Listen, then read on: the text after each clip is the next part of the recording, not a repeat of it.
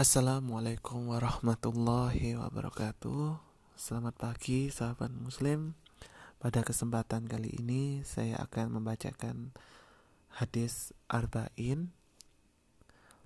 Dan kita akan membacanya secara berurutan. Jadi dari hadis ke 1 sampai dengan hadis yang ke 42 Semoga kita bisa istiqomah Sehingga setiap hari bisa mendengarkan uh, pembacaan hadis arba'in ini. Untuk menyingkat waktu kita langsung bacakan saja mengenai hadis yang pertama yaitu niat dan ikhlas.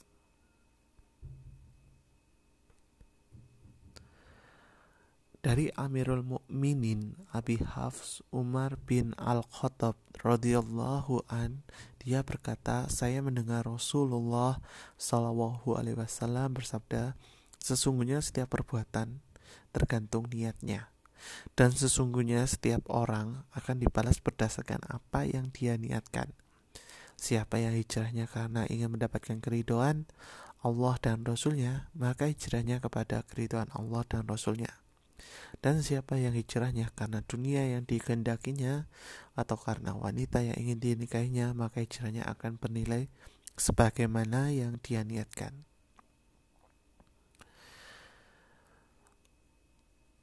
Dalam hadis ini ada adalah salah satu hadis yang menjadi inti ajaran Islam. Imam Ahmad dan Imam Syafi'i berkata dalam hadis tentang niat ini mencakup sepertiga ilmu. Sebabnya adalah bahwa perbuatan hamba terdiri dari perbuatan hati, lisan, dan anggota badan. Sedangkan niat merupakan salah satu dari ketiganya. Diriwayatkan dari Imam Ash-Syafi'i bahwa dia berkata hadis ini mencakup 70 bab dalam fikih dan sejumlah ulama bahkan ada yang berkata hadis ini merupakan sepertiga Islam. Dan hadis ini ada sebabnya, yaitu ada seseorang yang hijrah dari Mekah ke Madinah dengan tujuan untuk dapat menikahi seorang wanita yang konon bernama Ummu Khois, bukan untuk mendapatkan keutamaan hijrah. Maka orang itu kemudian dikenal dengan sebutan Muhajir Ummi Khois orang yang hijrah karena umum Qais. Dalam hadis ini ada beberapa pelajaran yang mungkin bisa kita petik. Yang pertama yaitu niat merupakan syarat layak atau diterima atau tidaknya amal perbuatan dan amal ibadah tidak akan mendatangkan pahala kecuali berdasarkan niat karena Allah Ta'ala. Jadi untuk sahabat muslim ketika kita ingin memulai pekerjaan kita niatkan semuanya karena Allah Ta'ala. Karena ketika kita meniatkan karena Allah Subhanahu Wa Ta'ala maka yang kita dapatkan tidak hanya rasa lelah untuk sahabat muslim ya. Jadi yang kita dapatkan juga pahala yang berlimpah-limpah dari Allah Subhanahu wa taala. Siapa yang mau ketika kita ingin uh, bekerja kemudian kita juga mendapatkan pahala pasti semua orang juga akan mau kan? Yang kedua waktu pelaksanaan niat dilakukan pada awal ibadah dan tempatnya di hati. Pelajaran kedua ini mengingatkan kita sobat muslim bahwa niat itu tidak harus dengan ucapan ya. Jadi bisa kita ucapkan dalam hati diri kita sendiri yang tahu dan Allah yang tahu seperti itu ya Tiga, ikhlas dan membebaskan niat semata-mata karena Allah Ta'ala dituntut pada semua amal soleh dan ibadah. Empat, seorang mukmin akan diberi ganjaran pahala berdasarkan kadar niatnya. Lima, semua perbuatan yang bermanfaat dan mubah boleh jika diiringi niat karena mencari keriduan Allah maka dia akan bernilai ibadah. Yang enam, yang membedakan antara ibadah dan adat kebiasaan rutinitas adalah niat. Yang terakhir, hadis di atas menunjukkan bahwa niat merupakan bagian dari iman karena dia merupakan pekerjaan hati dan iman menurut pemahaman ahli sunnah wal jamaah adalah membenarkan dalam hati, diucapkan dengan lisan dan diamalkan dengan perbuatan. Jadi itu mengenai hadis yang pertama mengenai niat dan ikhlas. Jadi niat dan ikhlas ini saling berhubungan. Untuk niat sendiri kita niatkan dalam hati tanpa diucapkan lisan. Karena niat itu yang tahu adalah diri kita sendiri dan Allah. Dan niat kita niatkan karena Allah Ta'ala bukan niat karena hal yang lain karena apa? Ketika kita niatkan karena Allah Subhanahu wa taala, kita mendapatkan pahala yang berlimpah-limpah. Dan ketika kita hanya niat saja itu sudah mendapatkan pahala gitu. Niat baik saja sudah mendapatkan pahala, apalagi dengan melakukan perbuatan yang baik itu. Gitu. Ya, untuk itu saja untuk hari ini hadis pertama dari hadis Arba'in. Semoga bermanfaat untuk sahabat muslim. Wabillahi taufiq wal hidayah. Wassalamualaikum warahmatullahi wabarakatuh.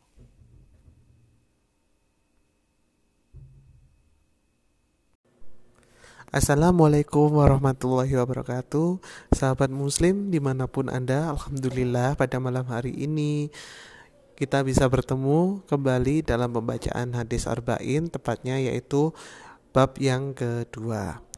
Bab kedua di sini kita akan membacakan mengenai iman, Islam dan ihsan.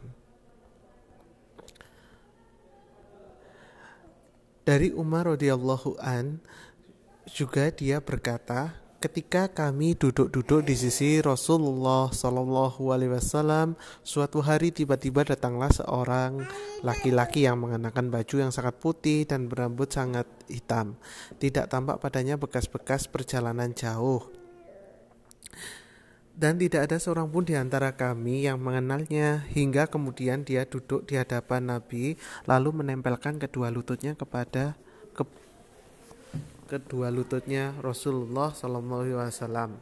Seraya berkata, Ya Muhammad, beritahukan aku tentang Islam. Maka bersabdalah Rasulullah Shallallahu Alaihi Wasallam, Islam adalah engkau bersaksi bahwa tidak ada ilah atau Tuhan yang disembah selain Allah dan bahwa Nabi Muhammad adalah utusan Allah. Engkau mendirikan sholat, menunaikan zakat, puasa Ramadan dan pergi haji jika mampu. Kemudian dia berkata, Anda benar, kami semua heran. Tidak yang bertanya, dia pula yang membenarkan. Kemudian dia bertanya lagi, beritakan aku tentang iman. Lalu beliau bersabda, engkau beriman kepada Allah, malaikat-malaikatnya, kitab-kitabnya, rasul-rasulnya, dan hari akhir, dan engkau beriman kepada takdir yang baik maupun yang buruk. Kemudian dia berkata, Anda benar. Kemudian dia berkata lagi, beritahukan aku tentang ihsan.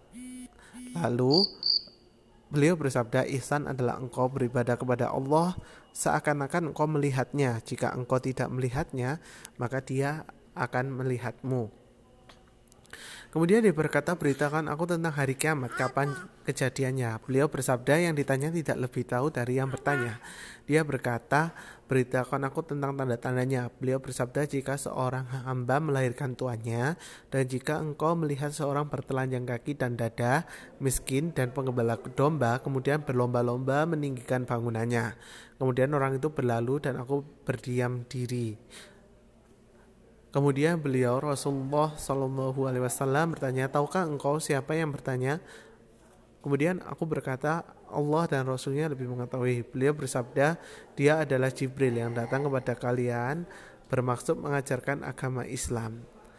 Dalam hadis ini, hadis yang sangat dalam maknanya karena di dalamnya terdapat pokok-pokok ajaran Islam yaitu iman, Islam dan ihsan. Hadis ini mengandung makna yang sangat agung karena berasal dari dua makhluk Allah yang terpercaya yaitu Aminus sama kepercayaan makhluk di langit atau Jibril dan Aminul Art atau kepercayaan makhluk di bumi atau Rasulullah SAW. Kemudian pelajaran apa yang terdapat dalam hadis ini? Jadi yang pertama disunahkan untuk memperhatikan kondisi pakaian, penampilan, dan kebersihan khususnya jika menghadapi ulama, orang-orang mulia dan penguasa. Yang kedua, siapa yang menghadiri majelis ilmu dan menangkap bahwa orang-orang yang hadir butuh untuk mengetahui suatu masalah dan tidak ada seorang pun yang bertanya, maka wajib baginya bertanya tentang hal tersebut. Meskipun dia mengetahuinya agar peserta yang hadir dapat mengambil manfaat darinya. Yang ketiga, jika seseorang yang ditanya tentang sesuatu maka tidak ada celah baginya untuk berkata, saya tidak tahu dan hal tersebut tidak mengurangi kedudukannya. Yang keempat, kemungkinan malaikat tampil dalam wujud manusia. Yang kelima, termasuk tanda-tanda hari kiamat adalah banyaknya pembangkangan terhadap kedua orang tua, sehingga anak-anak memperlakukan kedua orang tuanya sebagaimana seorang tuan memperlakukan hambanya. Tidak disukainya mendirikan bangunan yang tinggi dan membaguskannya sepanjang tidak ada kebutuhan. Di dalamnya terdapat dalil bahwa perkara goib tidak ada yang mengetahuinya selain Allah Ta'ala. Dan yang terakhir, di dalamnya terdapat keterangan tentang adab dan cara duduk dalam majelis ilmu. Bila taufik wal hidayah. Wassalamualaikum warahmatullahi wabarakatuh. Assalamualaikum warahmatullahi wabarakatuh. Alhamdulillahi rabbil alamin wassalatu wassalamu ala asrafil anbiya'i wal mursalin wa ala alihi wa sahbihi ajma'in ma ba'du. Allahumma shalli ala sayyidina Muhammad wa ala ali sayyidina Muhammad. Alhamdulillah kita bisa bertemu kembali dalam acara pembacaan hadis yang ketiga J. Untuk hadis yang ketiga yaitu mengenai rukun Islam. Dari Abu Abdurrahman Abdullah bin Umar bin Al-Khattab radhiyallahu dia berkata, saya mendengar Rasulullah sallallahu alaihi wasallam bersabda, Islam dibangun di atas lima perkara, bersaksi bahwa tiada ilah yang berhak disembah selain Allah dan bahwa Nabi Muhammad utusan Allah, menegakkan solat, menunaikan zakat, melaksanakan haji dan puasa Ramadan.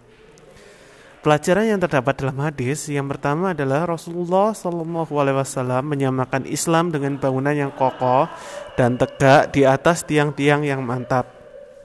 Kedua, pernyataan tentang keesaan Allah dan keberadaannya membenarkan kenabian Muhammad Shallallahu Alaihi Wasallam merupakan hal yang paling mendasar dibanding rukun-rukun yang lainnya. Yang ketiga, selalu menegakkan sholat dan menunaikannya secara sempurna dengan syarat rukunnya, adab-adabnya, dan sunnah-sunnahnya agar dapat memberikan bu buahnya dalam diri seorang muslim, yaitu meninggalkan perbuatan keji dan munkar, karena sholat mencegah seseorang dari perbuatan keji dan munkar.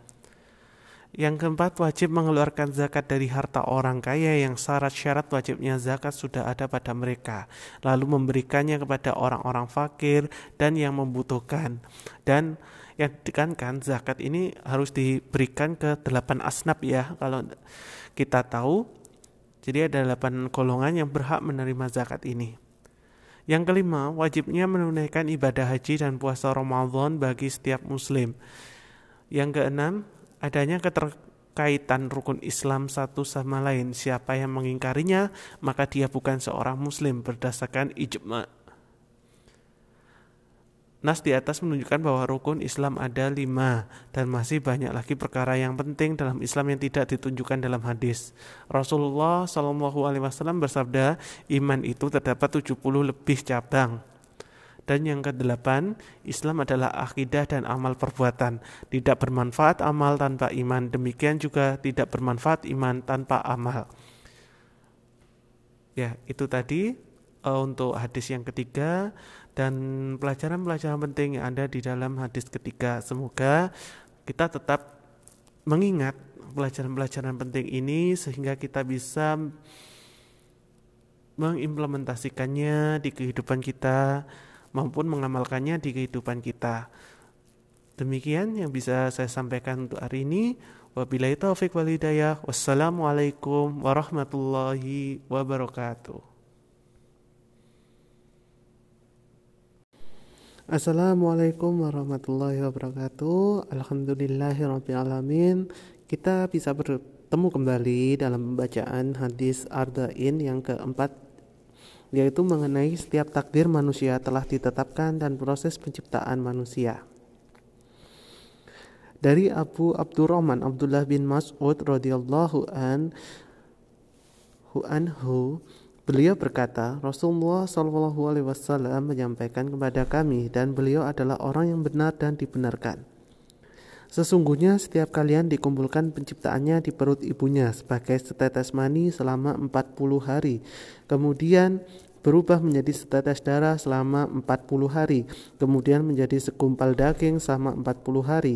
Kemudian diutus kepadanya seorang malaikat lalu ditiupkan padanya roh dan diperintahkan untuk menetapkan empat perkara. Yang pertama yaitu menetapkan rizkinya, kemudian menetapkan ajalnya, dan ketiga yaitu menetapkan amalnya dan yang terakhir yaitu menetapkan celaka atau bahagianya. Demi Allah yang tidak ada ilah selainnya, sesungguhnya di antara kalian ada yang melakukan perbuatan ahli syurga hingga jarak antara dirinya dan syurga tinggal sehasta. Akan tetapi telah ditetapkan baginya ketentuan dia melakukan perbuatan ahli neraka, maka masuklah dia ke dalam neraka. Sesungguhnya di antara kalian ada yang melakukan perbuatan ahli neraka hingga jarak antara dirinya dan neraka tinggal sehasta. Akan tetapi telah ditetapkan baginya ketentuan, dia melakukan perbuatan ahli surga, maka masuklah dia ke dalam surga. Pelajaran-pelajaran yang ada dalam hadis keempat, yang pertama adalah Allah Ta'ala mengetahui tentang keadaan makhluknya sebelum mereka ciptakan dan apa yang akan mereka alami termasuk masalah bahagia dan celaka. Yang kedua, tidak mungkin bagi manusia di dunia ini untuk memutuskan bahwa dirinya masuk surga atau neraka. Akan tetapi, amal perbuatan merupakan sebab untuk memasuki keduanya. Yang ketiga, amal perbuatan dinilai di akhirnya, maka hendaklah manusia tidak terpedaya dengan kondisinya saat ini. Justru harus selalu mohon kepada Allah agar diberi keteguhan dan akhir yang baik, yaitu husnul khotimah. Yang keempat disunahkan bersumpah untuk mendatangkan kemantapan sebuah perkara dalam jiwa. Yang kelima, tenang dalam masalah rezeki dan kona'ah, menerima dengan mengambil sebab-sebab serta tidak terlalu mengejar-ngejarnya dan mencurahkan hati karenanya. Yang keenam, kehidupan ada di tangan Allah. Seseorang tidak akan mati kecuali dia telah menyempurnakan umurnya. Dan yang terakhir, Sebagian ulama dan orang bijak berkata bahwa dijadikanlah pertumbuhan janin manusia dalam kandungan secara berangsur-angsur adalah sebagai rasa belas kasih terhadap ibu. Karena sesungguhnya Allah mampu menciptakannya sekaligus. Masya Allah. Itulah uh, hadis keempat mengenai setiap takdir manusia telah ditetapkan dan proses penciptaan manusia. Semoga kita bisa mengamalkan hadis keempat ini dan mengambil ibroh dari hadis keempat ini untuk diamalkan di kehidupan kita sehari-hari. Amin, amin, ya rabbal alamin. Bila taufik wal hidayah, wassalamualaikum warahmatullahi wabarakatuh.